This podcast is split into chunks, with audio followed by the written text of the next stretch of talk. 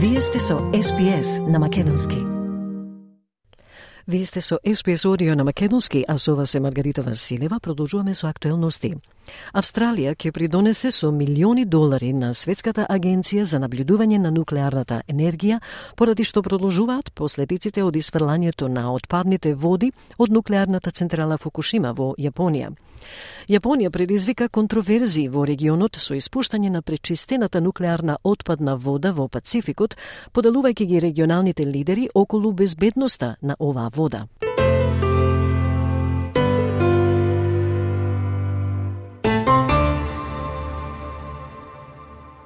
Јапонија неодамна почна да испушта прочистена нуклеарна отпадна вода во Тихиот океан. Тоа е одлука што предизвика голема загриженост. Пацифичките лидери веќе се загрижени за влијанието на таа вода врз нивните земји. И во Јужна Кореја, овие демонстранти сакаат нивната влада да действува на запирање на исфрлањето од вториот круг планирано за подоцна овој месец, настојувајќи дека рибарите страдаат. Fishermen are suffering and have been left without a place to call home. So I hope the discharge can be stopped immediately. Кина исто така се спротивстави на исфрлањето на отпадните води. Незините амбасади постојано споделуваат објави на државните медиуми за нивното верување дека водата не ги задоволува безбедносните стандарди.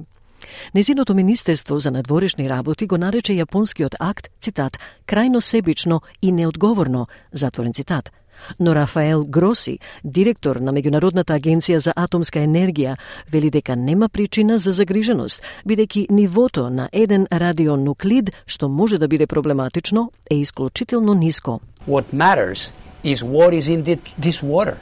Does this water contain radionuclides that would be harming the environment? Yes or no? And this is the question. And so far, we have been able independently to verify that the levels of tritium, I don't want to get too techy here because it may be boring, but the levels of one radionuclide that could be problematic, it's extremely low, extremely low. Австралија не е меѓу оние кои се загрижени за испуштањето на третираната вода. Во август, Министерството за надворешни работи и трговија објави сообштение во кое се вели дека Австралија има доверба во процесот што доведе до одлуката.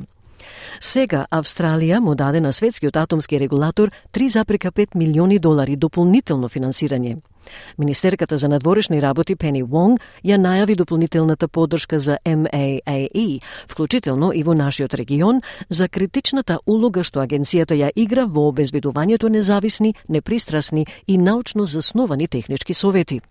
Таа додаде дека тоа се проекти кои ќе направат опиплива разлика, вклучително и подобрување пристап до правични, достапни и одржливи услуги за радиотерапија и градење на работна сила за нега на рак во Азискиот Пацифик и во Африка. I'm pleased to announce today additional support to the IAEA, including in our region, for the critical role that agency plays in providing independent, impartial and science-based technical advice. And these are projects which will make a tangible difference, including improving access to equitable, affordable and sustainable radiotherapy services and building the cancer care workforce in the Asia Pacific and in Africa, and our support for the IAEA's Global Water Analysis Laboratory to help make water resource management in the Pacific and Southeast Asia more sustainable. Сенаторката вели дека Австралија останува постојан поддржувач на Атомската агенција во незината цел да постигне мирољубива употреба на нуклеарната наука и технологија. Но таа сака да се оди уште подалеку. Министерката се состана со јапонскиот премиер Фумио Кишида, додека присуствува на собирот на Генералното собрание на Обединетите нации во Њујорк, каде продолжуваат разговорите за разоружувањето и политиките за неширење. Министерката Вонг изјави дека сите сакаме свет без нуклеарно оружје, подвлекувајќи дека нема свет без нуклеарно оружје, освен ако немаме договор за спречување на континуираното производство на материјалот што создава нуклеарно оружје. We all want a world without nuclear weapons. There is no world without nuclear weapons unless we have a treaty to prevent the continued production of the material which creates nuclear weapons, and that's fissile material. Uh, 30 years ago, the General Assembly said we need this treaty. We still haven't got a treaty negotiated. We don't even have negotiations underway. Uh, so Australia will be working with other countries uh, to try and ensure we get that treaty negotiation underway. Австралија вели дека сака да му покаже на светот дека е отворена за нов пат напред, додека Обединетите нации разговараат за критичните прашања на нашето време. What we want to do is to work with others to ensure that the United Nations evolves, uh, the United Nations together uh, meets the challenges of our time.